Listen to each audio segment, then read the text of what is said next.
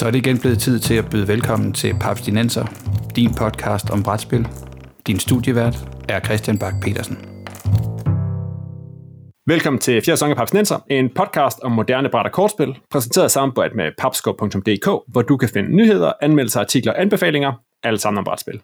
Mit navn er Christian Bak petersen og med mig i dag, der har jeg Morten Greis. Hallo! Peter Brix. Hej hej. Og Bo Jørgensen. Ohøj, kaptajn.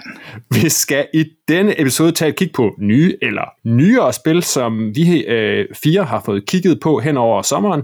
Der er nogle klassikere, jeg tænker, der også er nogle, øh, nogle ting, som er, er hotte på alle mulige lister, og så kan der også være, der dukker nogle lidt mere overraskende spil op, som, som, øh, som vi har fingre i. Og jeg tænker på, at vi prøver at tage ting fra perioden sådan 2020 og så frem til 2022. Så kan vi se, hvad der er fedt, og hvad der måske kunne være flop af, af nye titler.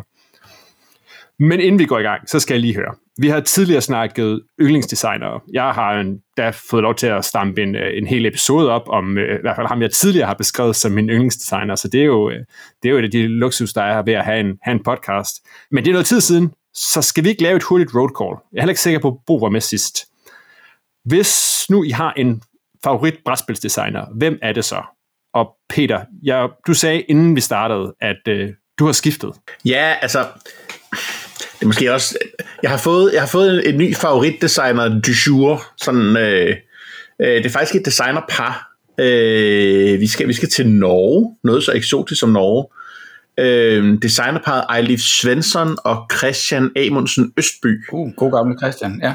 Det er, det er dem fra, øh, dem fra Aporta Games, altså det vil sige dem, der har lavet øh, Avenue, Trails of Tucana, øh, Doodle City, øh, Escape, Curse from the Temple, en, en hel masse øh, Doodle Dash, som vi jo spillede på festival.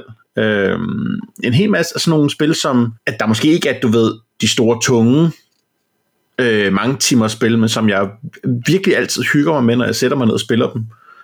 Øh, så det, det, det, det er blevet lidt sådan en, øh, når, når de kommer med et spil, så er jeg sådan lige 10% ekstra interesseret. Fedt. Skal vi hoppe til dig, Bo? Det kan vi godt. Hvis du nu skal vel, hvis du nu skal, skal slå ned på en, ja. som du også sådan spidser ører og tjekker salten, når, øh, når der dukker noget op på. på. Jeg, jeg, jeg sidder lige, Brix, fordi jeg har lige fundet et spil frem af Christian Østby. Mm øh, som jeg har haft med hjem fra Essen for mange, mange år siden, og jeg har sådan gået og mm, vaklet lidt imellem, er det, skal jeg prøve det, er det ikke godt, skal jeg finde nogen og give det til, eller hvem vil det her være sådan rigtig godt for? Og fordi han har det navn, han har, har jeg hele tiden tænkt, ej, jeg holder fast i det, jeg kan ikke, det, der er noget i det her. Der er noget med folk, der hedder Christian, du samler på dem. Jeg samler på dem, øh, men jeg sidder lige og slår mig på hagen over, hvad er det, det spil, det hedder? Det er en, en norsk-svensk krig, en, en, en norsk fæstning, der forsvarer sig mod forskellige svenske angreb, som et historisk øh, øh, setup, som han har lavet et, øh, ja, en, en hyldest af en slags til de norske, den norske indsats dengang. Det ved jeg simpelthen ikke lige, hvad kan være for net. Det kender jeg ikke. Og det hedder nok navnet på den øh, fæstning. Nå, det, det kan være, jeg lige kan finde tilbage på den. Kampen om Frederik Sten. Præcis, Frederik Sten. Men om det er noget, eller om det ikke er noget, det, jeg, det kan jeg ikke huske. Det har, det har øh, 7,2 på Board Game Geek. Okay. Men 40 ratings, så... Det, det, det lyder ikke specielt meget som de spil, du lige beskrev. Så det er... Ej, jeg tror, det her det er mere et gamers game, end det er øh, roll and write øh, stuff. Ja. Det ser sådan en, en tand, tand mere tørt ud. En tand tørt, ja, det, er det, er, det er, det er, altså for, forsiden er sådan en, øh, en øh, det ligner sådan en, en sten med lidt blod på, og så har man smidt et logo ind over, der så kamp med Frederik Sten, og så en virkelig grim tegning af en soldat. Ja, sådan en, en, en, en gammel uniformeret soldat. Altså en, lille kan, en kan skilleret. Jeg har manglet lige den, den, rigtige, den rigtige gruppe at trække det frem med, og det er ikke rigtig sket endnu. Og jeg vil gerne prøve det. Ja. Sjovt nok. ja, fedt. Det er, Jamen, en, øh, det, det er en plan. Der er sgu en plan. Det, for det tror jeg har... Øhm, ja, for lige at gentage spørgsmålet, så var det om, øh, jeg har en, en, øh, en favoritforfatter. Jeg tror, jeg går med Eric Lang. Konsistent og sådan på tværs af alt muligt, han har lavet, der, har, der synes jeg bare, han har ramt, ramt mig mere, end han har ramt ved siden af. Warhammer Invasion, øh, Blood Rage, øh, Imperial Assault. Øh, han, har, han har bare stået bag nogle rigtig gode ting. Og, og for en, der bestemt ikke har noget problem med at have masser af tema i sine brætspil, så, øh, så, så tigger han højt. Cool. Hvad siger du, Morten? Ja, øh, jeg har siddet og spekuleret lidt, fordi det er sådan, uh, hvem skulle man dog pege på, og så videre. Jeg har sådan overvejet lidt at hive fat i Inka og Markus Brand, for dem har jeg fat i før. Jeg kan godt lide deres Village, øh, som de jo brændte igennem med for nogle år tilbage, og så hele deres Exit Uvre, som jo kører stødt af med, med hele tiden flere exit-spil. Så, så på den ene side, så er jeg sådan frisk af at bare har fast i øh, et par designer, jeg kender og godt kan lide. Um, men så så det mig, at der var et navn, jeg var sådan begyndt at holde lidt øje med, eller i hvert fald ikke genkende til, når jeg sådan så det i nyhedsbrevet lignende, og det er så Ungarn, um, nu bliver jeg jo nødt til at mishandle hans navn her, øh, David, eller David uh, Turci, eller Turki, eller Turci, mm, ja. uh, David Turci, han er fra Ungarn, øhm, og han har lavet blandt andet øhm, Imperium Classics, Imperium Legends. Han har også kendt for sådan noget som Anachrony og Dice Settlers. Så, øhm, så jeg har spillet nogle af hans spil, øh, ikke så mange af dem endnu, men, men det jeg har prøvet, synes jeg har været interessant. Øh, stort og omfangsrigt, øh, frygtelig mange ting at sidde dimse med, men, men noget, der ligner sådan nogle gode, solide, tunge Eurogames. Så, så måske er han sådan lidt på vej mere ind på min radar over interessante designere. Fedt. Men jamen, det er også præcis, han er jo, han er jo Anachrony-manden, og det, er der overhovedet nogen, er der nogen af jer, der har fingre i det? Fordi det er jo sådan et, folk knus elsker. Ja. Men... Og jeg vil gerne gerne prøve det også. ja, ja same. Men jeg har ikke fået det prøvet. Nej. Det, det, han, han er en af de der designere, hvor at der er så mange spil på min år, det gad jeg godt prøve liste. Og jeg tror, jeg har prøvet præcis 0 af hans spil. Ved du hvad?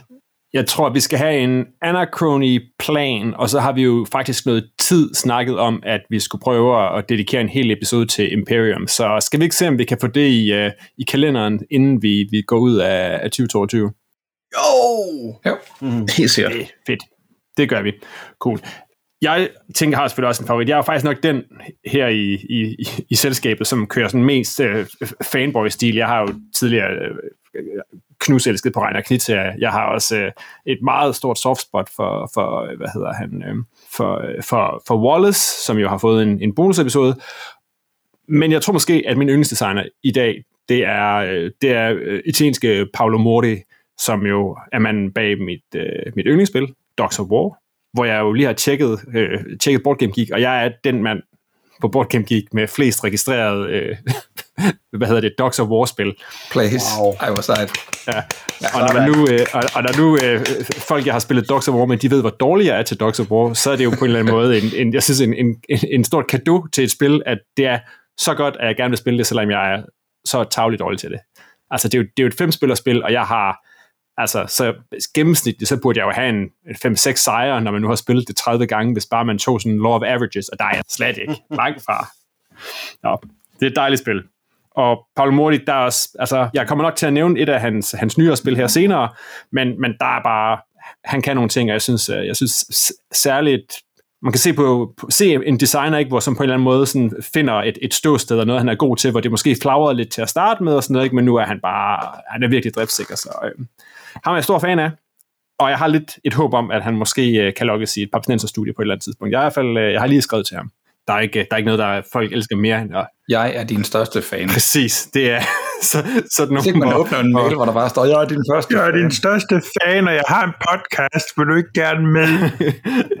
ja, man godt, de, måske kan jeg få lov til at til Jeg, jeg tænker, at uh, det bliver noget råd. Men, uh, men, men det er sikkert sjovt. Så endnu en til, til kalenderen. Fedt. Cool.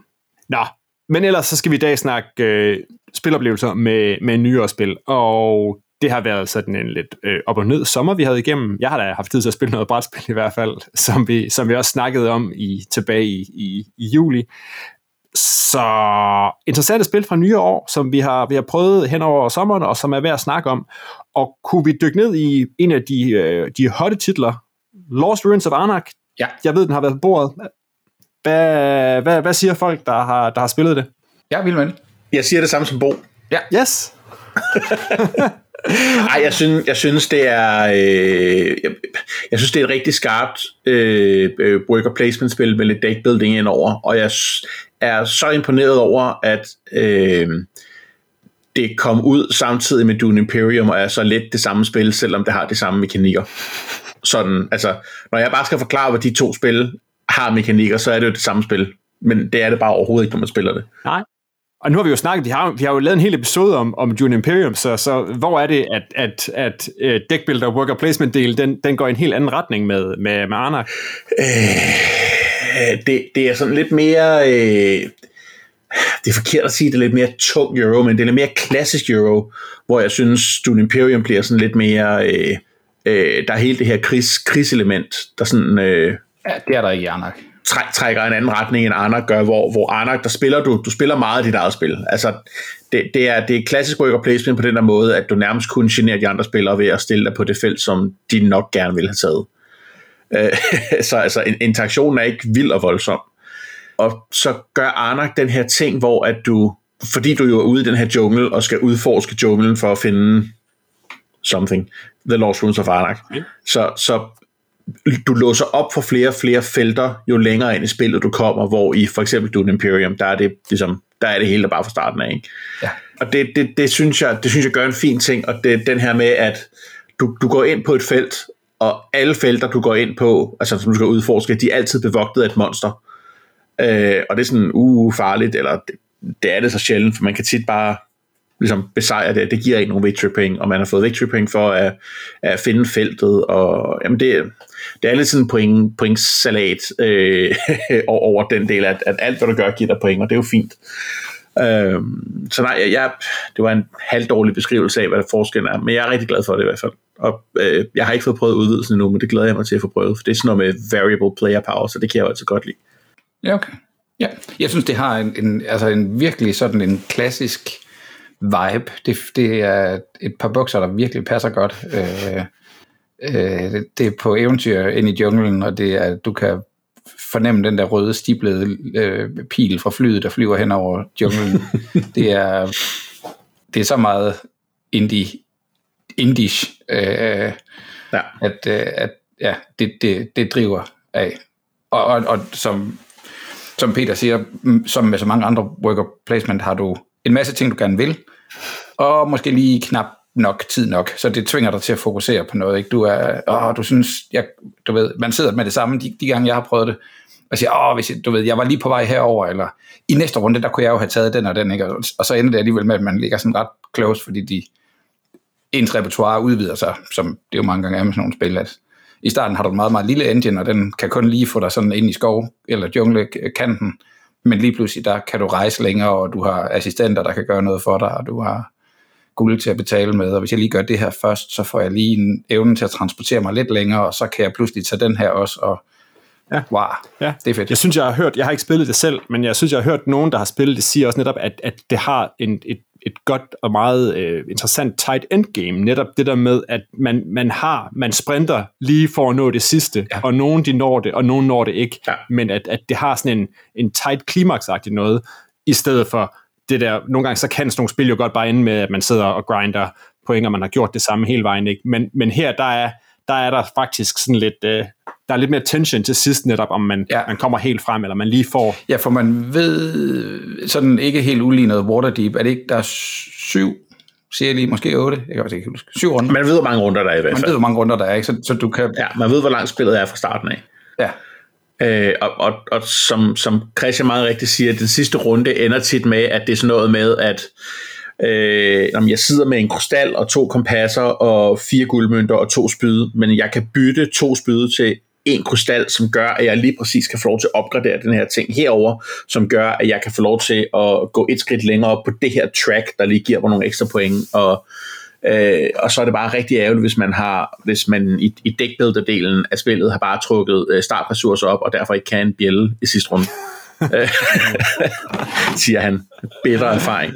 Øh, det, er, det, er, det er ikke et spil, hvor man ligner sit dæk kæmpe meget. Øh, Nej. Men så, så der er klart chancen for at være uheldig i sidste runde, og bare sidde og have en, en småkedelig runde i forhold til, til de ressourcer. Ikke? Men Nej, Lost Runes of Arnak, jeg, jeg er kæmpe glad for det. Øh, det, er, det skal mange flere mennesker spille. Fedt. Og Morten, er der ikke noget med, at det øh, er der en vis, øh, jeg var lige ved at sige risiko, men jeg skal selvfølgelig sige chance for, at det kommer jo. til at ske? Jo, det er der, fordi at øh, den glædelige nyhed på det punkt er jo, at nu er der også en dansk udgave af spillet på markedet. Uh.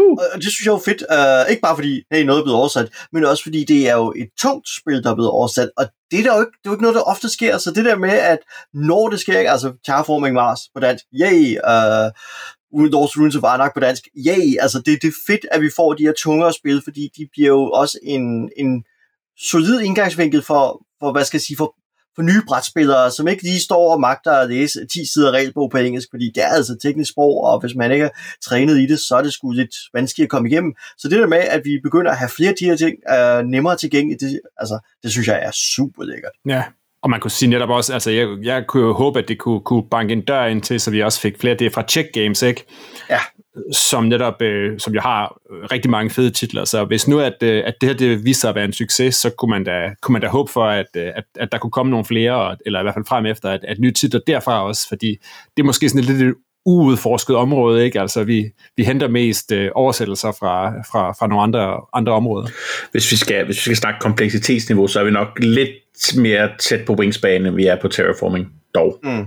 Jo, altså nu er det heller ikke niveau, altså, fordi jeg lige vil sidesætte det. Nej, det, det, det, det er stadigvæk et tungere spil, altså, det, det, er vi helt enige om. Ja, men... og der fik du så også lige nævnt en anden god titel, der også er blevet oversat, jo, Wingspan, hvilket jo også er, apropos min jubel lige før over mediotunge til halvtunge spil, mm. bliver oversat. Også en fed titel, der er blevet oversat. Um, også en, som folk har taget til sig, ikke? altså et eller andet sted er det jo fornøjelse at se, hvor mange der faktisk interesserer sig for de her spil, når lige så snart de bliver mere tilgængelige. Ja. ja. Skal vi hoppe videre til en anden øh, ny og øh, utrolig velmodtaget titel?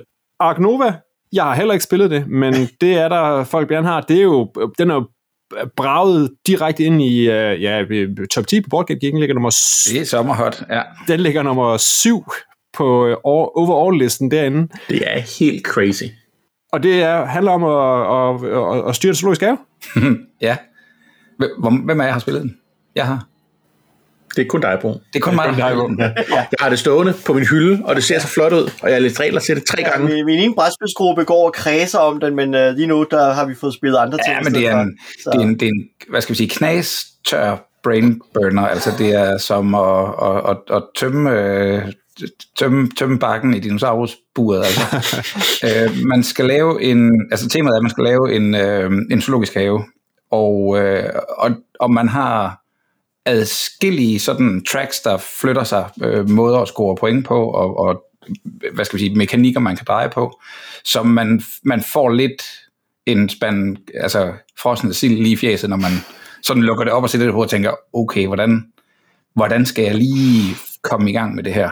Spillet ud af posen foreslår sådan nogle, sig lige de her kort, så en er ekspert i amerikanske forhold, en ved noget om øh, Asien, øh, jeg startede mit øh, Agnova øh, eventyr ud som ekspert i australske fugle.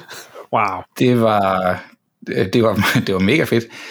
Dem så vi ikke så mange af øh, efterfølgende spillet, men du ved, hver gang der dukker en fugl op, hey, så har jeg en ekspert, der lige kan udtale sig, og så får jeg lidt penge for det og sådan noget.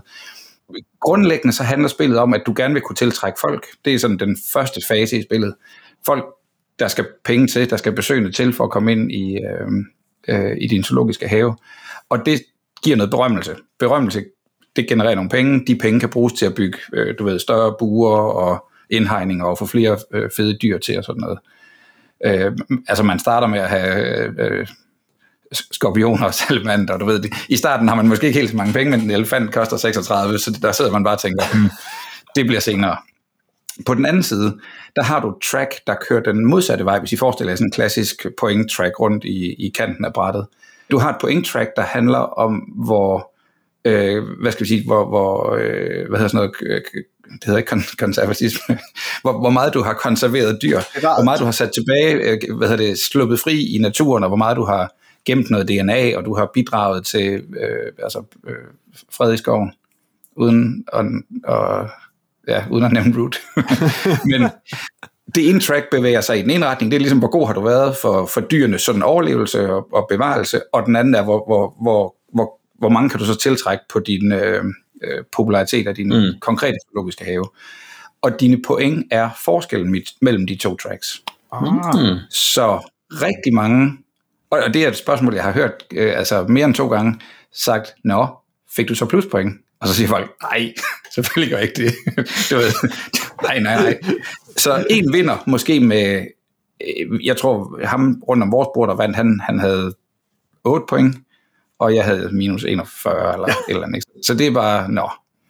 Så jeg skulle nok have, have, have sluppet nogle flere dyr. Mine fugle skulle have fløjet lidt. Du skulle have gjort lidt, du gjort lidt med, med at støtte op om økosystemet, i stedet for bare at spærre dem inde. Ja, og så er der noget, hvad skal vi sige, du, du kan trække nogle folk lidt i blinde, du kan opgradere dit laboratorie, altså have, være mere sådan, gå, gå forskningsvejen. Du kan også købe kiosker og, og souvenirbutikker og sætte op i, i butikken. Så du har både sådan en tableau, der skal lægges ud over, hvordan haven rent faktisk øh, øh, altså udfolder sig. Tingene skal passe sammen. Der er en lille smule sådan Tetris i det, at hmm, jeg er nødt til lige at have en kiosk her, for ellers kan jeg ikke komme forbi de store sten, jeg ikke kan bygge på. Hmm, med mindre jeg køber ham der landskabsarkitekten, der så gør, at nu kan jeg bygge hen over rocks eller sådan noget. Så der er nogle eh, mekanismer, man, man skal lære, og nogle ikoner, øh, man skal lære at se. Og så er der en, hvad skal vi sige, der er en, en, en rundecyklus i spillet, hvor man øh, naturligvis gør nogle ting øh, i, i, altså igennem spillet. Og flere af de her ting har en sådan en, en pauseeffekt. Nu, nu, nu er der gået noget tid. Mine folk gør det og det, det, det æder noget af dagen. Og på et eller andet tidspunkt, der når de til, nu er der kaffe. Så, og det er ligesom end of round, og, og der kan godt nå at ske en masse ting, som ikke rigtig trykker på det der track, og man er sådan lidt, okay, så kan jeg nå at gøre det her, kan jeg ikke nå at gøre det her. Og så er der nogle ting, som, som først ligesom snorer, når dagen den er over. Man får noget løn, fordi nu er, der, nu er det payday, nu, har der, nu er der måneden er gået, eller hvad skal man sige. Mm. Og, og det vil sige, der er nogle effekter, som man måske lidt tidligere, end man synes, man har penge eller sådan overskud til, skal have satset på, fordi hver gang der går en dag, kommer de ligesom til indtægt.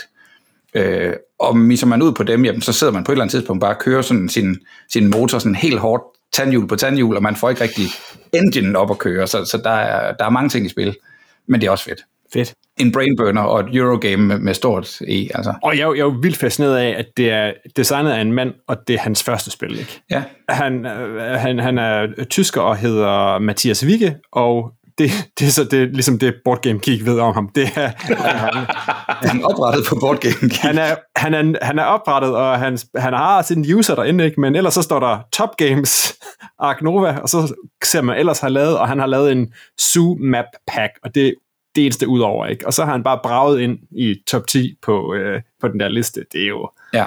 det er, det er jo lidt, lidt vildt, ikke? Det er lidt, lidt crazy. Men øh, altså, well, well, well done.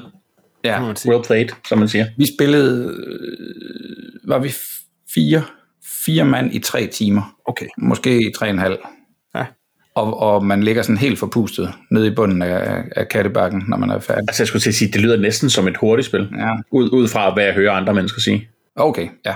Ja, jeg sidder og tænker, det er jo ikke, det er jo ikke meget vildere, end hvis man tager et, et, et, et solidt spil, første spil, Great Western Trail for eksempel, der vil man jo også oh, kunne snige sig op på det, ikke? Men, men, ja, det er, og Great Western er måske ikke en dårlig sammenligning i virkeligheden. Det er, det er i, den, i den klasse. Okay. Men altså, jeg tror også, Great Western vil, vil altså, chokere nogen. altså, oh, det vil også være, være en, en, noget af en mundfuld for nogen bare at sætte på bordet, fordi hey, jeg har hørt godt om det her. Ja, det er rigtigt. Øh, men jeg, jeg synes, det er fedt. Cool. Spændende. Jamen, øh, må ikke der er nogle andre folk, der øh, i, øh, i, i denne podcast øh, som også øh, får det på bordet på et eller andet tidspunkt? Hvad det, nu det, kunne der, det kunne der fortælles meget mere om. Jeg synes, vi skal lade os dykke ned i det, når vi måske er flere, der har, der har prøvet det. Det er en god plan. Jeg kan ikke rigtig finde ud af, om det, om det, du ved, om det vil lidt for meget. Altså, du ved, det, vi har alle sammen prøvet de der spil, hvor man sådan tænker, ah, næste gang jeg skal spille det, så bliver verden meget bedre. Mm. Og, og, det vil sige, alt andet lige, når du skal spille det første gang, så er du bagud skulle jeg sige bagud. Du er på minuspoint i hvert fald helt sikkert. Men spørgsmålet er, om, om, du, om du har en reel chance over for nogle andre, der har set det udfolde sig. Kan I følge mig? Ja. Altså, nogen, der har set det her i, i, i fuld drift og nå til en afslutning, må bare stå så meget federe, end nogen, der skal prøve det første gang. Det mener jeg egentlig Klart. helt grundlæggende ikke er en, et plus for et brætspil. Altså, det er, altså, det er jo muligvis heller ikke at få kamp til stregen for ham, der skal introducere nye folk for det, fordi de sidder lidt og tænker, shit, fuck, what, er der, er der fugle i Australien? Det troede jeg slet ikke. Eller, hvad ved jeg, ikke? Øh, ja. Jamen, det, det er jo helt, helt sikkert en, en, en debat, der er værd at have øh, et, et spil, som der kun er fedt, hvis alle er på samme niveau. Øh, ja. hvor, hvor fedt er det lige igen, det nu er der. Yes. Men skal vi ikke, vi dykker ned i det senere, helt sikkert. Jeg er nysgerrig på et af dem, som du har spillet, Morten. Og øh, så vender vi tilbage til øh, et mand, vi allerede har nævnt, nemlig øh, Erik Lang, fordi du har fået spillet Ank. Ja, det har jeg. Som jo er masser af plast, og øh, en, den, den, den, var, var, det, det var en helt stor Kickstarter titel, Ja, ikke? I, øh, det er igen en af 21. de store Kickstarter, ja. Uh, og yes. det er jo den tredje i trilogien af Eric Langs mytologispil Ja. med Blood Rage, Rising Sun og nu uh, Ank, som jo alle sammen er inspireret af Wikipedia-artikler om assorteret mytologi.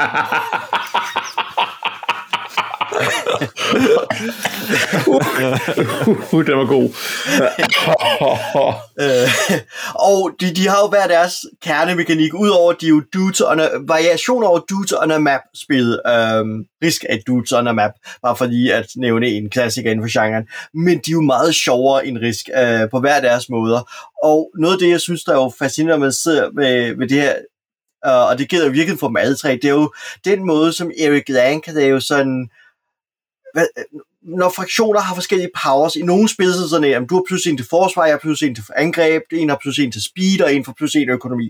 Sådan er det ikke med et Eric Lang spil. Alle får deres vilde powers, så der er en, der siger, du kan rejse overalt, du er usårlig, du kan et eller andet andet, ikke? Mm. Altså man får de der fuldstændig vilde over the top special abilities, hvor man kigger på og siger, åh hvad, de andre er helt urimelige. Åh, men det er min forresten også. Um, så alle sidder med de her fantastisk urimelige powers, og det gør man også i Ank, og og det var ret sjovt at spille, blandt andet, altså fordi øh, der er nogle rigtig fascinerende mekanismer, når man sidder og kigger på, hvad er det, spillet gør. Altså man prøver at, man prøver selvfølgelig at vinde heder, som i alle andre spil, øh, Det er men godt, vi lige skal have, have sådan helt placeret. Ja. Hvor, hvor henne på verdenskortet er det, vi er, Morten? vi er på et spilplade fyldt med store plastikfigurer. Øh, de der. Jeg tænkte, jeg tænkte, a at map. Egyptisk tema. noget i Ægypten over det. Ja, vi er i Ægypten, øhm, fordi vi er jo guder i Ægypten, og vi, øh, vi vil gerne have tilbedere og bygge kulte op, fordi hvis du får så og så mange tilbedere i de her magtkampe mellem guderne, så bliver du mægtigere og mægtigere, og de mægtigste guderne, de lever videre, mens andre går tabt i glemslen, eller deres kultes flyder sammen til et. Øhm, fordi charmen i spillet er, at man kæmper alle sammen øh, om at øh, vinde sig hæder, så at sige, eller tilbedere, ved at sende sin gud, øh, guder rundt på brættet, eller sin guddom rundt på brættet, øh, hidkalde sin krigere, fremmane væsener, bygge templer, øh, skaffe tilbedere, ofre tilbederne for at udvikle nye kræfter og, og score point. Så man kaster masser af sine øh, tilbedere på aldrene, og deres blod flyder ud over det hele, og på den måde kan man investere i nye kræfter. Øhm, så det, jeg synes, der er sjovt ved spillet, det er, at der ligger sådan nogle ting omkring, hvordan pointscoren fungerer netop ved, at vi skal have flest point for at vinde spillet, men på et vist stadie, så bliver alle spillere, der ikke har noget x point, de bliver simpelthen elimineret, deres kulte er glemt. På det andet stadie, så bliver de to bagerste spillere, øh, dem som klarer sig dårligt, de bliver smeltet sammen til én spiller, så de bliver nødt til at samarbejde. Til gengæld har de nu flere kræfter til at gøre det med, så det er sådan en, en ret fascinerende catch-up-mekanik. Og så er der bare, hvad skal jeg sige, en stribe forskellige sådan push-pull-mekanismer, det vil sige ting, der stimulerer, at man gør både det ene og det andet, sådan at spillet opfordrer spillerne til at sende deres tropper rundt på hele brættet, fordi der er fordel i at have regioner for sig selv, der er fordel i at dele region med andre spillere, der er fordel i at stå på felter øh, isoleret fra de andre spillere, der er fordel i at stå på felter op og ned af de andre spillere. Så man sidder hele tiden og manøvrerer rundt for at opnå flest mulige af de her parametre. Og alt det er så bundet op over den måde, man tager actions på. Og det minder for dem, der har spillet uh, Psych uh, de kan nok øh, uh, minder lidt om Psych Hades. I Psych Hades, der har man et auktionssystem, hvor siger, jeg vil gerne føre krig, så, skal jeg ofre, uh, så vil jeg ofre så og så mange point. Og så er der en anden spiller, der siger, jamen jeg vil godt betale endnu mere for at føre krig, så, så jeg overbyder dig, og du mister dine action og må tage en anden action i stedet for. Øhm, her, der har man også forskellige ka- øh, action-kategorier, men hver gang man tager en action, så rykker man frem på den her øh, tavle. Og når øh, man når til et vist punkt på tavlen, jamen så aktiverer man et event. Så derfor, øh, og de events kan være øh, fordelagtige at aktivere, så man vil gerne aktivere dem. Men det betyder også, at man i visse situationer jo positionerer den her event, eller den her tur, eller action markør, sådan at den næste spiller kommer til at få eventet. Og så bliver man lige pludselig nødt til at overveje, vil jeg tage en move action, fordi hvis jeg gør det, så flytter jeg øh, move øh, markøren hen, hvor min sidemand får mulighed for at aktivere det her event og få en bonus. Eller skal jeg tage en anden action og hidkalde nogle tropper i stedet for, fordi så får jeg ikke positioneret det her. Så lige pludselig sidder man og siger, hvad vil jeg gerne gøre, men hvor efterlader det mig, når jeg har truffet denne handling her? Har jeg sat min modspiller i position til noget, som øh, den spiller lige pludselig får en fordel af? Skal jeg så tage en anden action, selvom det ikke er det, jeg helst vil? Men omvendt, så kan jeg også sige, jeg kan godt se, at du gerne vil have tropper, men hvis jeg nu positionerer move-markøren sådan, at du næste gang kan få et event, hvis du tager move action. Hvad vil du nu helst? Vil du så helst have en anden action at få eventet, eller vil du have den action, du havde planlagt, fordi du egentlig gerne vil det her. Så lige pludselig er der sådan en forskellige lag af strategi, både det, der foregår nede på brættet mellem vores brækker, men også det, der sker i den her sådan, action-økonomi for, hvad, hvad manøvre vil man gerne tage. Og der er sådan, hvad skal jeg sige, en helt kavalkade af den slags små, fine actions rundt om i spillet, som gør Ank virkelig interessant at spille. Fedt. Fedt. Og så er der noget, man kan blive glemt. Ja. Det, det er altså en fed mekanik. Lige præcis. Hvis du ikke har scoret nok point efter tredje konflikt, øh, en gang imellem udløser man konflikter, og det er også der, hvor de rigtig mange point bliver ført indført, og det er det event, det vil sige, der er simpelthen også det event, hvor man udløser konflikterne, så slås man i forskellige regioner, scorer point for det, og så er det, man finder ud af øh, efter er det tredje eller konflikt, så er det alle, der ikke er noget... Ja, øh, halvvejs i, i spillet ja, eller sådan, ikke? Præcis, så er der nogen, der bliver smeltet sammen, og lidt senere, så er alle, der ikke, altså, så bliver det sådan, alle, der er i rød zone, øh, skal nu forlade bad, badebassinet. ah, det er også, det er på en eller anden måde old school. Men, men det betyder, at der i virkeligheden, ja, det, det betyder, at der i virkeligheden at race for ikke at være dem, der, altså halvvejs i spillet bliver det ligesom gjort op og sagt, at du er ikke, du, du er sgu ikke vinderagtig nok. Ja folk kan dårligt finde ud af at udtale dit dårlige gudenavn, altså i glemsel med dig, nu er det de andre, det handler om. Og det der så sker, det er, at man, de to laveste, ikke? Jo. De, de to dårligste guder sådan set, bliver slået sammen. Yep. Og nu styret af to spillere. Ja. så altså, der, der er to faser. Der er glemselsfasen, hvor spillere simpelthen ryger ud, og så er der øh, sammensmeltningsfasen, ja. hvor to øh, dårligste spillere øh, bliver lagt sammen til en. Og, og det er ret fascinerende, fordi de lige pludselig skal dele som deres ressourcer, men det giver dem også mulighed for at tage nogle flere actions og actions på andre måder, fordi øh, man kan højst i sin tur tage to actions, forudsat man ikke udløser et event og hvis andre forbehold. Men de skal altid være forskellige, med mindre man er sammensmeltet guder, så må man tage den samme action to gange teknisk set. Så der er altså nogle fine finurligheder der omkring. Og sidder man også to steder rundt om bordet? Det kan jeg ikke huske. Ja, man føler ikke plads rundt om bordet jo så. nej, nej, men, men aktiverer man, eller aktiverer man kun... Ja, mener man stadig aktiverer sin egen tur, ja. Uh... Ja, det kan jeg faktisk ikke helt huske, men der er noget, det er ret flippet. Ja. Jeps. Ej, det er sjovt. Det må, det, det må være sådan en mekanik, som enten folk de synes er helt fantastisk, eller virkelig bare hader. Ja, ja jeg tror lidt, at øh, altså, når jeg har set lidt på diskussionstrådet, det er sådan, at folk er lidt splittet omkring det. Men jeg tror også, at for mig er der lidt den der erkendelse at sige, jamen, jeg tog dig bag os, med mindre det her er et spil, hvor der er sådan en eller anden pointbølge lige pludselig, hvor du kan få en eksplosion af point, men så ved vi allerede nu, at jeg har tabt. Så det er jo ikke et eller andet sted at gå ind og sige, okay, jer der allerede ved, at jeg tabt, nu får I lov til at spille spillet anderledes, og nu får I en ny chance for at vinde spillet. Så, så jeg tror et eller andet sted, at hvis man sådan kigger på det som sådan en gruppedynamisk, at, at det er bare en erkendelse af, hvad der sker i mange spil, og sige, okay, men hvis det her var et riskspil, og I var de to dårligste spillere, vi ved jo godt, at, at ja. I, jo ikke, I er ude af spillet, ikke? Altså, hvad ja. kan I gøre for, at det her bliver sjovt? Og så, så jeg synes virkelig, at Ank gør noget der, hvor det jo netop går ind og udfordrer vores idéer om, hvordan man spiller spil. Og jeg synes også, at han, han tillader, at folk kan begynde at spille efter det, mm. fordi du kan jo, du kan i hvert fald, ham der ligger bag os, kan formentlig godt lure, at han ligger bag os. Dem, de, de, dem der ligger to og tre, kan måske godt være lidt i tvivl om, hvem af dem ender med at være anden bagerst. Ja. Og hvem af dem er så bliver, bliver bare den, den, hvad skal vi sige, den nye, den nye næstbagerste. Mm. Men man kan godt begynde sådan at få tyndet lidt ud i sine tropper, eller gøre noget, som man siger, ja, men lige om lidt, så ender vi to jo med at være i den samme krop.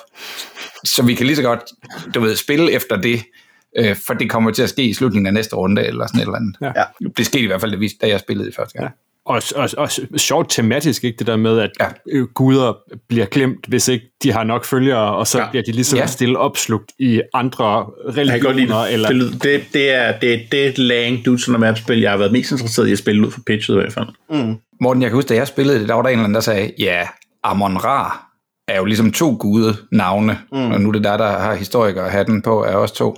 Men det var jeg ikke klar over. Er det, altså, er det en, at Ra er en gud, som langt tror jeg måske godt, jeg er med. Amon. Jeg er ikke særlig meget inde i egyptiske mytologi, beklager jeg lige der, der er spidsfindighederne. Nej, nej, men det bliver bare hævet op som sådan et eksempel på, ja, der er jo, to, der, der er jo i hvert fald to ja. ting, der er smeltet sammen her i... i, ja. i uh, ja.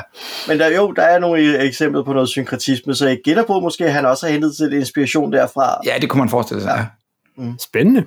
Og hvor lang tid tager et, et, et, et, et solidt spil, uh, Ank? Det tager alligevel... Det tager kan jo hurtigt ind, altså, igen det er sådan de der, sikkert når man bliver rutineret, altså vi var stadig meget lang tid vores første par spil, så det tager hurtigt et par timer de første par gange, og, og igen, det hører lige så meget med til, at der er mange ting at kigge på, uh, der er mange refleksioner lige at gøre, så, så vores første par spil har været relativt lange, altså nogle timer, altså jeg satser på lidt, det er noget, man kan få ned på en. Jeg vil også sige mere, mere, mere tre end to. Ja. ja. Fedt. Spændende. Mm-hmm. Nå, men, men skal jeg så ikke komme med et, der kan spilles hurtigt? Yeah! Gør det. Fordi, hurtig sommerhit. Hurtig sommerhit. Fordi øh, hen over sommeren, der øh, havde jeg fornøjelsen at hook op med en, øh, lidt ud af det blå, med en parsnenser-lytter, øh, som jeg kun ved, hvem er, fordi jeg ved, at han lytter til parsnenser. Og så pludselig så var han i samme baghave, hvor jeg også var, og så Ej, hvor fint. var det jo fornuftigt, at folk havde, øh, han havde noget spil med, og jeg havde noget spil med, og øh, så kunne han øh, svinge, øh, svinge forbi, og så, øh, så, så spillede vi. Så, så Thor, han øh, introducerede mig for øh, Cæsar, Seas Rome in 20 Minutes, Ja. som jo er af førnævnte Paolo Modi. Så, øh, han vidste, var han vidste, hvor han, vidste- han skulle fange dig. Præcis.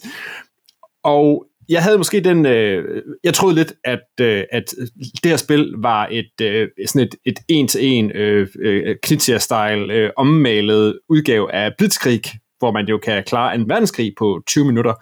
Men det viste sig, at det er det faktisk overhovedet ikke. At, øh, at øh, Caesar Sees Rome in 20 Minutes har nogle ligheder med, med Blitzkrieg, men også nogle markante øh, forskelle. Fordi hvor i Blitzkrieg, der placerer man øh, i begge spil trækker man nogle tropper ud af en pose, som man så kan bruge som at placere på et bræt. Men i Blitzkrieg, der er det sådan, der placerer man dem i forskellige sådan, theaters of war, sådan i Stillehavet eller på Østfronten. Og så hver front har sådan et, et tug of war, hvor man sådan trækker i den ene side eller den anden side, og når, når øh, der er fyldt x antal felter ud i hvert øh, sted, så, øh, så bliver det afgjort, og så vinder den side, som har trukket længst til sin side. Og så høster man nogle effekter undervejs. Men i øh, Caesar, der er det, har man et, et kort, hvor øh, området omkring Rom og øh, ja, omkring Italien øh, på, på Caesars tid, det er sådan er markeret, og der er nogle forskellige øh, områder eller byer eller steder, som er markeret, og de er alle sammen sådan forbundet med nogle, eller de mange af dem er forbundet med nogle pinde og nogle streger, og så kan man placere sådan nogle sige, tropper i cirkler omkring, og når en by så er blevet fuldt omringet, for eksempel kan den have tre felter udenom sig, eller den kan have fem felter om sig, Ja. og så når man lukker et område, altså ligesom er den, der placerer den sidste felt, så bliver det område scoret. Og så kigger man ligesom på, hvor mange øh, influences, der bliver trukket ind. Majoriteten. Yes. Ja. Og de her felter, de, sådan et, et styrkefelt, det kan godt pege hen til tre forskellige byer. Så der er nogle nøglepositioner, du gerne vil sidde på. Der er nogle nøglepositioner, ikke? og der er noget i taktikken i forhold til, hvornår du placerer, og når du lukker en by. Og det der med, altså man kan sagtens åbne en masse byer, og man kan spille i sådan helt forskellige ender af, om, af, af kortet, så sige, jamen, så placerer jeg en herover, så placerer jeg en herover, så Ja. jeg skal ikke lukke noget her, ikke? Står bare her. Øh, Nej. og ligesom i det andet, så er der sådan forskellige effekter, alt efter hvad du placerer, og der er for, nogle forskellige typer tropper, der gør forskellige ting. Men på den måde, så bliver det meget mere sådan et, et area control, øh, hvor man styrer ind i områderne, og hvor det har sådan nogle, nogle synergieffekter. Jeg mindede mig faktisk en lille smule om, om Kichias uh, Samurai, som også har lidt den der med, at et område bliver scoret, når det er omring, omringet, og så kigger man ligesom, hvor meget influence er der i det, og så bliver det scoret derefter Okay men det kan spilles på 20 minutter. Øh, vi nåede at spille det et par gange, og det gav sådan to meget forskellige oplevelser, fordi alt efter hvad der dukker op på brættet, og hvad for nogle tropper, der bliver trukket, så, øh, så, hvad hedder det, så bliver det meget forskellige spil. Lidt ligesom alt efter hvad for nogle tropper, der bliver trukket, når man spiller Blitzkrieg.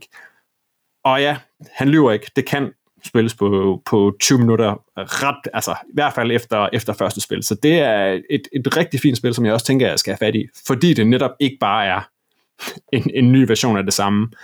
Helt sikkert man godt genkende, at uh, 20 minutters genren, den er der, men, men det er slet ikke det samme. Så det var, øh, det var en, faktisk en fornøjelse. Nå, fedt. Spændende. Skal vi lige slutte af med, Bo, du har haft sådan fat i sådan et par deduction-spil. Ja, Skal vi starte med, Deduction Sommer. det er nemlig det, og vi øh, skal starte med Feed the Kraken, et spil, jeg hørte om første gang, da jeg, øh, og det var tilbage i, nu kigger jeg lige, oktober 2020, snakkede med øh, Helle fra Games for Life BG, fordi hun var stor fan af det her spil, øh, inden det udkom, fordi hun havde været med til at spilteste, og var, var virkelig glad for det. Uh. Og hvad siger du, Bo? Kan Feed the Kraken, kan det noget? Ja, det kan det. Det kan det. Det er et, øh, et fantastisk finurligt lille deduktionsspil, hvor altså ikke helt ulig alt muligt andet, men man, man er på et skib. Det er sådan lidt øh, øh pirat, kultist, kaptajn tema. Øh, kultisterne, vi, vi er på et, et, et, øh, et sejlskib, der sejler. Der er nogle forskellige roller rundt om bordet. Øh, en, øh, en kaptajn skal, hvis I tænker sådan i Werewolf eller Avalon øh, øh Resistance-agtige tema, øh, kaptajnen skal sætte et hold. Han skal finde ud af, hvem der er navigatør, og hvem der er styrmand, tror jeg. To roller, han skal sætte på, på, på brættet, eller i, øh, rundt om, om gruppen. Han giver dem en, nogle, nogle tokens, der markerer, hvem de er. Og så er der den her klassiske afstemning, øh, hvor folk de ligesom skal sige, at, at det er et hold, vi tør overlade vores øh, sejlskib til. Og det gør man ved at stemme med sine guns. Man har nogle, nogle små, øh, øh, hvad hedder det, øh, muskedonner, der man nogle små træ-tokens, man kan øh, have i hånden, uden nogen kan se dem. Men man siger 3, 2, 1 og holder dem frem, og så er det ligesom, hvem, altså hvis der er tre eller mere, øh, som jeg husker det, så er det nok til, at det er et, et, mytteri. Den gik ikke. Øh, den, der har budt flest pistoler ind, bliver den nye kaptajn. Og så, du ved, så, så, kan, så kan intrigen jo allerede begynde at køre. Der er nogle sailors, man har trukket nogle roller op af en hat indledningsvis. Der er nogle sømænd, de vil bare gerne over til altså til øen, der har rom og, rom og palmer, Lokater. og frihed og, og, og gang i den. Så er der kultisterne, de vil meget gerne, øh, nej, der er nogle pirater, de vil gerne til den, altså piratøen, som er ligesom, de vil gerne sejle til venstre, øh, sailerne, de vil gerne sejle til højre. Og så er der en kultist leder ombord på skibet, som utrolig gerne vil feed the Kraken. Øh, total Cthulhu. Øh, kultistlederen vil gerne have, at skibet bliver fortæret og offret til, til den store, øh, det store tentakelmonster for enden af brættet. Klart. Ja, den, er, den, skulle være, den skulle være skudsikker. Så afhængig af, hvem der hvad skal vi sige, tager nogle beslutninger, man trækker nogle kort og siger, du, vi kan sejle et, øh, hvad skal vi sige, nord, vi kan sejle øst, vi kan sejle vest. Hvad for en vælger du? Og både den ene og den anden rolle ligger så et kort over til, øh, til den, der skal træffe afgørelsen. Og det vil sige, der er en, der er en hulens masse hvem tror jeg er på mit hold. Men man kan også godt have risikeret at sende altså, to retninger over til vedkommende, øh, og bare tænker, jeg håber ikke, du vælger den her, for det her det er virkelig en skidt retning. Men det var de kort, jeg havde at, at give dig. Så man lægger et kort over til vedkommende, og, og vedkommende kan jo have fået et kort, der er lige så skidt fra den anden rolle. Så nu kigger man på de her to kort, og så kan man så vælge det ene og give det til kaptajnen og sige, at det er det her, jeg har valgt, at vi skal gøre, og så flytter skibet sig. Eller bare for lige at skrue øh, pirattemaet op for 11, så kan øh, navigatøren vælge at sige, øh, det her det holder ikke, jeg hopper over bord. jeg skulle altså, sige, han, bare siger, jeg bestemmer. Jeg feeder the Kraken! Ja. Nå, han, han kan bare sige, det, from my cold dead hands, jeg skrider. Så han, han vinder stadigvæk ud fra, at hans rolle har lyst til, at skibet skal komme et bestemt sted hen, men han nægter simpelthen at, at tage øh, konsekvensen af, af de der handlinger. De forskellige kort har sådan nogle sekundære funktioner, så det kan være, at du ved, ja, det her kort skubber i virkeligheden vores skib over mod, øh, mod sømands Øh, haven, over mod sømandsbyen, hvor vi gerne vil, vil have skibet til at, at, at ende, eller hvis man er sømand, vil man gerne have skibet til at ende der. Men det kan så godt være, at der dukker en ny kultist op. Så det betyder, at, at der er sådan nogle sekundære handlinger, hvor hmm, nu har kultistlederen pludselig en, han arbejder lidt sammen med. Hver gang nogen har haft en rolle, så bliver de lazy. Nu skal de hænge, hængekøjen. De kan ikke de kan ikke arbejde to runder i træk. Så dem, der lige har haft en rolle... Jeg kan ikke komme på arbejde, chef. De kan simpelthen ikke komme på arbejde. Og det, he, altså, det, det sjovt er jo i virkeligheden, at det udspiller sig på det her enormt lille træskib, hvor man sådan tænker, okay, hvor store primadonnaer kan der, kan der være på en skånder? Altså. Men, men de kan ikke arbejde to runder i træk. Så der er hele tiden sådan nogle låste, hvor, åh, for fanden, nu er jeg nødt til at give den til ham der, selvom han tydeligvis sidder dernede og ja, fører sig frem. Det er bare den fedeste pirat, piratfagforening, den er bare øh, virkelig stærk. Ja, nogle af rollerne har sådan nogle one-off øh, handlinger, man lige, lige når der skal til at være en afstemning, der, jeg, havde, jeg sad med et, et rollekort for eksempel, og sagde, hey, jeg, jeg kan pege på en anden spiller og stjæle en af hans guns. Så når der er en afstemning, der lige pludselig handler om, kan vi skaffe majoritet eller eller andet, så er det jo fint nok lige at sige, hey, er det, hvor mange, hvor mange revolver står du med derovre? Ja. Øh, og omvendt er der nogle handlinger, hvis du sejler øh, båden hen over et bestemt felt, så, så må som kaptajn skal have tungen ud på en af, af, af bådsmændene. Klart. Den spiller må ikke tale mere i spillet. Punktum. Og der er du cirka halvvejs. Prøv at spørge, om det skete for mig. Skete det for dig, Bo? Det gjorde det. Så sad du der og vinkede. Jeg er et utroligt stille menneske, når jeg spiller brætspil i øvrigt. Det er jo, det er jo sjovt på en eller anden fasong, fordi det er et spil om at spille bordet. Det, selvfølgelig er der en handling, hvad der foregår på brættet, men det er også et, et beskyldningsspil, hvor du har lyst til at sige, åh hvad, så I hvordan, altså, så er der spaghetti, og man sidder der og vifter med fingrene og leger øh, tentakler, altså. Så der spaghetti. noget. Men der er mange gode jokes. Men det vil så sige at, at, at gøre en stum. Ham, der er stum, kan ikke uh, længere blive kaptajn, fordi man skal jo have en snakfærdig kaptajn, sådan er det. Men vedkommende kan jo alt muligt andet. Og ja, jeg sad i måske et kvarter og pegede og, og rystede på hovedet og lavede thumbs up. Ja, præcis ikke, og sagde, ved du hvad, over bord med ham der, han er, han er ubrugelig. Så godt som jeg nu kunne med fakta og gebærder.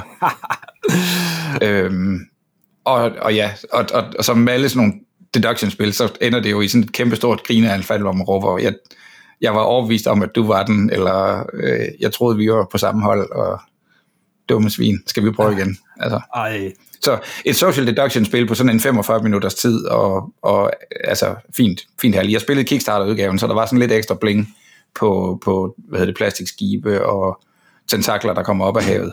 Uha. For some strange reason, der har de en, sådan en blæksprutte tentakel, altså figur, der kan stå hen for enden af brættet, den gør ikke rigtig noget andet end markere, at det her øh, kultisterne, de gerne vil hen. Og så er der to tentakelfigurer, der kan komme op af brættet, og så er der en token til den tredje. Det De var så tæt på at have lavet, altså de tre felter, hvor, hvor skibet bliver fortæret til plastikbrikker, men, men den, den sidste, den, den var åbenbart... der manglede, der manglede 5.000 5.000 Eller de kunne dollars. simpelthen ikke få dem mast ned i, i deres uh, strøbeform uh, til kassen, ja lige præcis. Ej, det er, Uh, så det er lidt sjovt. Men, men, men et, et, altså sådan et crazy humor, uh, og jeg er sikker på, i med et, uh, altså, med et glas rom, og, og altså... klap for, Ja. klap for Der, der, blev, der, der, der opstod lynhurtigt sådan en stemning af, at uh, prøv, nu giver jeg de her to roller, navigatør og, jeg kan ikke huske, det navigatøren og løjtnant, jeg er lidt i tvivl om, hvad han hedder, ham den anden første styrmand, something. Øh, men du ved, det her det er en test. Altså, jeg stoler på, I kan gøre det rigtige.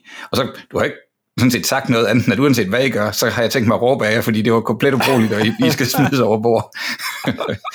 så øh, det, var, det, var, det var et sjovt bekendtskab. Cool. Men sådan en, ja, et, et resistance pakket ind i et tog, der, der flytter sig, og, og man kan hele tiden kun komme højre eller venstre eller fremad, og, og på et eller andet tidspunkt begynder det at blive svært. Og jeg tænker, spillet er designet ret meget, så man havner på et af de sidste felter, når jeg goes without saying, hvis kultistlederen kan få skibet øh, hen til The Kraken, så, så den, altså, han er jo selv opoffrende, så hvis han kan få skibet øh, til at gå ned i, øh, i skumsprøjt hos The Kraken, så har han, altså, så har han offret hele besætningen, Ja. ja. inklusive sig selv, til, til den store selvfølgelig. tentakel øh, gud, og så vinder han. Ja, han behøver ikke engang, han, Eller så vinder kultisterne. Der kan godt være kommet flere kultister undervejs i spillet, men ja, og han behøver ikke engang have sin, øh, han behøver ikke have sin tunge tilbage stadigvæk. Det er ikke noget problem. overhovedet ikke. Overhovedet Nej. ikke. Optional.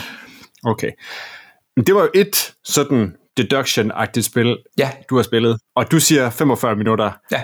Du har også spillet et, der er en tand større, som er... Øh, om, øh, det, er en, det er en tand nyere, ikke? Det er jo faktisk, det er jo, det er jo sjovt, ikke? Det, vi sad og kiggede ind, ikke? Det har jo, øh, det har jo release på Board Game Geek, der hedder det 2022, men der er en tre år gammel Shut Up and Sit Down review video på den. Ja. Så, så, så fortæl om den her mobbedreng helt kort på. Helt kort, så har jeg spil, haft en fantastisk chance for at spille Blood on the Clock Tower, og det er et, øh, det, det er blevet sagt, nu bliver det lidt indforstået her, men det er blevet sagt, at Blood on the Clock Tower er for social deduction spil, hvad Gloomhaven var for, øh, øh, for, for, for dungeon crawler. Øh, og det er jo, det, det er jo, en, en, det er jo noget en pedestal allerede der at sætte spillet op på, men det er en, en glorificeret werewolf øh, med fede roller, med et scenarie og med nogle mekanikker, som gør, at når folk bliver taget ud om natten af en ondskab i byen eller sådan noget, så er man ikke ude, så, man, så bliver man til et spøgelse i byen, der kan gå rundt og stadigvæk have en viden om, hvad der foregår, og, og, og prikke til spillet, og egentlig stadigvæk er med. Øh, men, men med nogle balancerede roller og nogle, og nogle mekanikker, som gør, at det er en, en oplevelse. Altså det er, øh, det, det, er, det, det vilde ved spillet er, at det er sådan en, en øh, jeg tror det hedder fra 12 til 20, 22, ja. 20 ja. Øh, spillere. Og det vil sige, det er bare et spil, hvis man, altså kraftig anbefaling herfra, hvis, hvis man får chancen for at spille det, så prøv det bare alene, fordi det er et commitment, at måske 10 eller 12 eller 15 mennesker sætter sådan noget, og gør det samme i en tre timer. Ja. Jeg tror, spillet var sat til, at vi kunne gøre det på tre, og vi brugte tre timer og kvarter eller sådan noget, men, men øh, den, den vil jeg rigtig gerne uddybe, øh, den oplevelse, fordi det er, yes. det er mindst lige så meget en oplevelse, som det er, hvad skal vi sige, en, en klassisk sådan, spilsituation, men det er ja. halv, halv rollespil, halv beskyldning, halv holde dig selv i live, og, og halv være på det vindende hold, eller, eller ikke, ja. Ja, men så, altså, vi har jo, øh, du og jeg har jo inviteret øh, Jeppe, der var din, øh, din Blood on the Clockwork spilleder. Øh, ja. Vi har sat en aftale op, så vi snakker med ham, og du har også noget, noget lyd fra, fra jeres øh, seance, ja. så jeg tænker, at vi laver en, en Blood on the Clockwork Clock Tower. Serieepisode. Clock Tower. Clock Tower, Præcis. ja. Det, jeg, jeg havde taget øh, optageudstyret med, fordi jeg tænkte, som minimum kunne det være fedt bare at have. Og, øh, og den anekdote, jeg vil, jeg vil tease med, det er, at jeg ender med at komme på Team Evil i spillet, og, øh, og min recorder er løbet tør for plads. Jeg har måske aldrig nogensinde slettet en fil fra den der stakkels recorder, så der lå Essen interviews fra 2016 eller et eller andet. Og, og under, vi skal lige til at gå i gang med spillet, jeg har lige stillet mig op, så jeg står fedter med den der og siger, nå, den skal lige slettes, den skal lige slettes, den skal lige slettes og så kommer min dæmon, altså ham, der i virkeligheden er den Team Good øh, prøver at få, at få øh, fundet og få nakket i spillet, kommer op og siger, nå, hvad, hvad, øh, hvad, hvad er der sket med den der? Så siger jeg, jamen den er, den er helt øh, fuldstændig fuld, jeg skal lige have, og afbryder han mig bare sådan lavmældt og siger, øh, du kan bare udgive dig for at være bibliotekaren. og så siger jeg, ja, jeg, øh, jeg, jeg skal bare lige have slettet en 3-4 filer mere, så, så skal jeg være der. Og sætter mig ned og er bibliotekaren de næste 3,5 timer. øh, men, men den der fornemmelse af, okay godt, så, så er vi da så langt, altså nu er vi i gang. Øh, men øh, det var en, en fed, fed oplevelse. Yes. Jeg glæder mig til at høre mere om det i hvert fald, så øh, lad os, vi, vi, vi snakkes ved sammen med, med Jeppe her øh, meget snart. Ja, lad os gøre det. Yes. Nu er vi nået til slutningen af den episode. Den blev øh, fint lang. Der er jo tydeligvis mange nye fede spil i spil, og det er jo dejligt. Vi er ikke engang halvvejs færdige jo. Hey. nej, nej, jeg skal lige nævne også. vi må, øh, vi må, og denne her. Ja, vi og må, denne her. Vi må dykke ned, vi må dykke ned. Der er flere fede spil at snakke op. Ja. Det er jo heldigt, når man har sådan en brætspils-podcast. Ja. Nå, der er nogle... tør for brætspil, Christian. vi har spillet dem alle sammen op. Ja. Nå, nu er det slut. Ja. Nå, men der er en ting. Vi, er, vi har, et, øh, vi har øh, et hængeparti i hvert fald. Fordi vi har kørt nogle konkurrencer, og vi har faktisk også nogle krus, som vi egentlig har haft lovet at sende ud til folk. Det er fordi, vi er herre-tjekket. Altså sygt-tjekket. Ah, mm. Det, og, og det er jo ikke, det er jo ikke vi, vi, vi har præmier, vi vil gerne af med dem. Vi har krus, vi vil gerne af med dem. Nogle gange så glemmer vi det bare lidt, og det andet. Men det skal være slut nu. Ja. Nu tager vi, øh, nu tager vi øh, voksen, voksenbrætspiller hatten på, og øh, skal nok sørge for, at, at der kommer nogle ting ud. Og vi skylder formodentlig, eller vi skylder nogle, nogle tierstøttere, nogle, øh, nogle krus allerede. Vi har trukket lod, og vi går nu vores, øh, vores mailboxes igennem, finder jeres navn igen. Jeg tror lige, vi skal have fundet ud af, hvem, hvem har egentlig hvilke opgaver, fordi vi går lidt og tror, at der er ikke nogen andre, der har klaret det her. Ja, præcis. Det kan vi, det kan vi, det kan vi gøre, det kan vi gøre off mic, men ja. nu, nu, nu, bliver der, nu bliver der uddelegeret opgaver.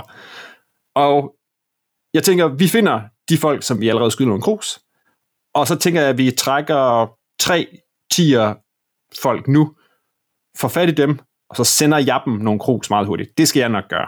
Er der ikke noget om, at hvis du synes, vi skylder dig krus? Inden vi gør det. Skriv lige til os. Ja, så send en mail. Sådan for god ordens skyld. Ja, så får vi 800 e-mails. Du skylder mig et krus, Christian. Nej, men, men ja. vi, vi har stø, øh, støset lidt på det, og jeg Ja, havde fornøjelsen af at møde en af vores øh, meget søde lyttere, og, og så netop spurgte lidt til det. Og vi skylder dig et krus, og, og du må endelig lige tage kontakt til os, så vi får det rettet op på den her misære her. Så man kan hente sin krus ind i farve cigarer fremover. Øh, Nej. Jeg tror ikke, vi skal gøre det til pick-up point, nej. Nej. og men det Men- har været super hyggeligt at hilse på folk, øh, som har brugt deres sommerferie på at kigge forbi derinde. ja, men på et lidt pinligt grundlag. Det er lidt flot. Nå.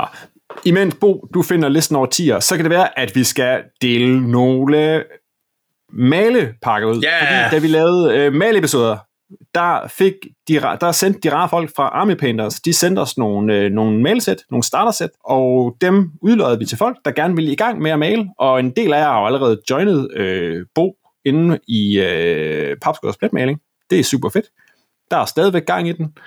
Øh, jeg synes generelt, det var, det nogle, øh, det var nogle øh, fede episoder. De blev virkelig... øh, Nogle snaksalige Det, mennesker. de, var, de, var, de var virkelig søde. Dem, kan- vi kan sagtens øh, få fat i Morten og Skalm igen på, øh, på et senere tidspunkt. De, dem, dem gider jeg godt snakke brætspil med os. Ja. Men vi har nogle, øh, vi har nogle, øh, nogle startersæt, som vi gerne vil sende ud til nogle papsnenserlyttere, som gerne vil i gang med at male. Jeg har en terning. Og du har en terning, og Morten, du har en liste. Ja, Og Bo, kan du ikke sige, at vi har to almindelige startersæt og et Ja. speedpainter-sæt. Ja, og Speedpainter-sættet var jo egentlig uh, the hot shit uh, på det tidspunkt, vi optog episoden. Jeg Den tager vi til i- sidst. I tvivl om, hvornår... Ja, lad os tage den til sidst. Men Speedpainter-episoden er det her sæt, der angiveligt kan male med et lag, og så er der to øh, Army Painter Wargames Hobby Starter Paint Sets. Så også starter sets, også nogle, der ligesom indeholder en hudfarve, og en gul, og en blå, og en, og en læder. Måske endda en pensel. Ja. Så det er begge, eller ja, begge sæt er virkelig noget, man kan, man kan starte ud med. Fedt. Og der er tre heldige vinder. Jeg starter. ja. Det var nummer et. Nummer et. Det er Lars, der har øh, været den heldige vinder. Af et øh, standard startersæt. Yep. Så har vi et standard startersæt mere. nummer to. Det er Peter, og, og det er ikke Brix, det her. Ikke mig. Uh, en anden Peter, I er nogle stykker. Men, uh, men det er Peter, der er den heldige vinder. Fedt. Så prøv, jeg, prøver, jeg prøver at rulle den ordentligt den her gang. Det her det er den store præmie. Speedpainter-sættet. Speedpainter-sættet. Nummer 5. Sådan. Nummer Det er tilfældigt tal, det der. Nu skal I se. Det er, det er Morten, og det er så ikke undertegnet, men det er Morten og Peter og Christian, der vandt. så øh, nej, det, det er Morten her, som jo har skrevet til os og fortæller, at vores øh, to bonusepisoder om pletmalerne jo har fået ham til at genoverveje, om han skulle male sit figurspil. Så det, øh, så det er så smukt, at, at Morten her vinder, fordi han har jo meldt sig ind i øh, Facebook-gruppen med pletmaling for netop at komme godt i gang. Så det er jo super fedt, at vi kan få lov at sende noget til ham nu. Så håber vi ikke, han har købt for meget maling. Nej, men det håber jeg ikke, fordi nu vil jeg jo godt se hans Munchkin Dungeon-figur malet, så, så nu har han jo bare at uh, sende os nogle billeder af, af det, når uh, han er kommet godt i gang. Fedt. Altid. Cool. Skal vi... Øh, Bo, skal, hvis nu Morten finder en uh, random number generator, det plejer at være, som ikke er en... Ja, for vi skal, vi skal ud over en terning den her gang. 60 støtter i skrivende stund. Ja, Yes. to sekunder. Så en, en D60, Morten. Jeg finder lige, er det Han er bare i gang med at lede. Og det er ikke det samme som 3D20. Altså, det er en D60, jeg skal finde. To Ja. ja, sekunder. Eller, eller gå i, i, i værkstedet lige og snitte en. Morten har nu rejst op og gået ud og let efter en D60. Det er ikke, fordi han har en. Altså, hvis nogen Hvis har... nogen har, så er det Morten. Okay. Det var en joke, sorry. Jeg, jeg, vil, ikke have, jeg vil egentlig ikke have haft Morten ud af studiet. Ja. Jeg vil sige, så kan jeg fortælle i mellemtiden, at øh, min øh, svigerinde har i sommerferien været inde forbi Morten og købt sit den første D20 nogensinde. Sådan. Wow. Hvad spiller hun? Det, det, det, det tror jeg ikke noget. Hun spiller Magic, hvis hun kun kan bruge en D20. Skulle have en D20, okay. Sådan der. Jeg har ikke en D60'er, den findes ganske vist, men, uh, men jeg har andre måder at rulle uh, D60 på. Um, en D3 og en D20 kan for eksempel gøre det, så vi genererer lige et resultat her. Og 45. Nummer 45. Øh, jeg tænker, GDPR-wise skal jeg ikke sidde og råbe øh, e-mailadresser op her, men jeg, Det er rigtigt. jeg har en vinder. Jeg kan, Kan vi, kan vi udlede et navn? Et, øh, noget, der rimer på massen, som jeg tænker Sådan. er efternavn. okay. Yes. Vi tager en til. Yep. Og 27. Jeg har en mailadresse. Det kan være no- nogen, der hedder... Åh, oh, Mm-hmm. Spændende. Det ved man jo aldrig med en mailadresse. Dun, dun, dun. Nej, det ved man ikke. Vil du have et tal mere? Giv mig et tal mere. Du får et tal mere. Du får nummer 58. Uh, det var et uhyggeligt nummer. Uh, giv Jeg tør nummer. godt sige Therese. Kommer og hjemsøge Halloween-aften. Jeg kan godt sige Therese uden at bryde nogle GDPR-regler. Sådan. Det er ikke personhenførbart. nej. Perfekt. Tillykke. Fedt. Jamen, jer tre, I får en mail, så får vi en adresse, så får I et krus. Det kommer til at ske hurtigt efter den her episode. Det lover jeg. Og med det, så er vi nået til enden af den her episode af Papsnenser. Find links til tidligere episoder på papsnenser.dk eller papsko.dk-podcast. Husk, at du skal papsnenser på tier.dk, så er du med i lodtrækningen næste gang, vi trækker lod om et fancy papsnenser krus. Yay. Hver en krone fra tier bliver brugt til hosting og bedre optageudstyr og promotion af brætspil som hobby. Du kan finde Papsnenser på Apple Podcast, på Spotify, på Podimo, eller hvor du ellers henter dine podcasts. Og så er vi på YouTube. Med mig i studiet i dag, der var Morten Greis, Peter Brix og Bo Jørgensen. Papsnenser er produceret af selv samme Bo Jørgensen, Christian Beckmann og Mike Ditlevsen. Mit navn er Christian Mark Petersen, og på en Papsnenser, så kan jeg bare glæde mig over, at der er kommet vildt mange fede spil inden for de sidste par år.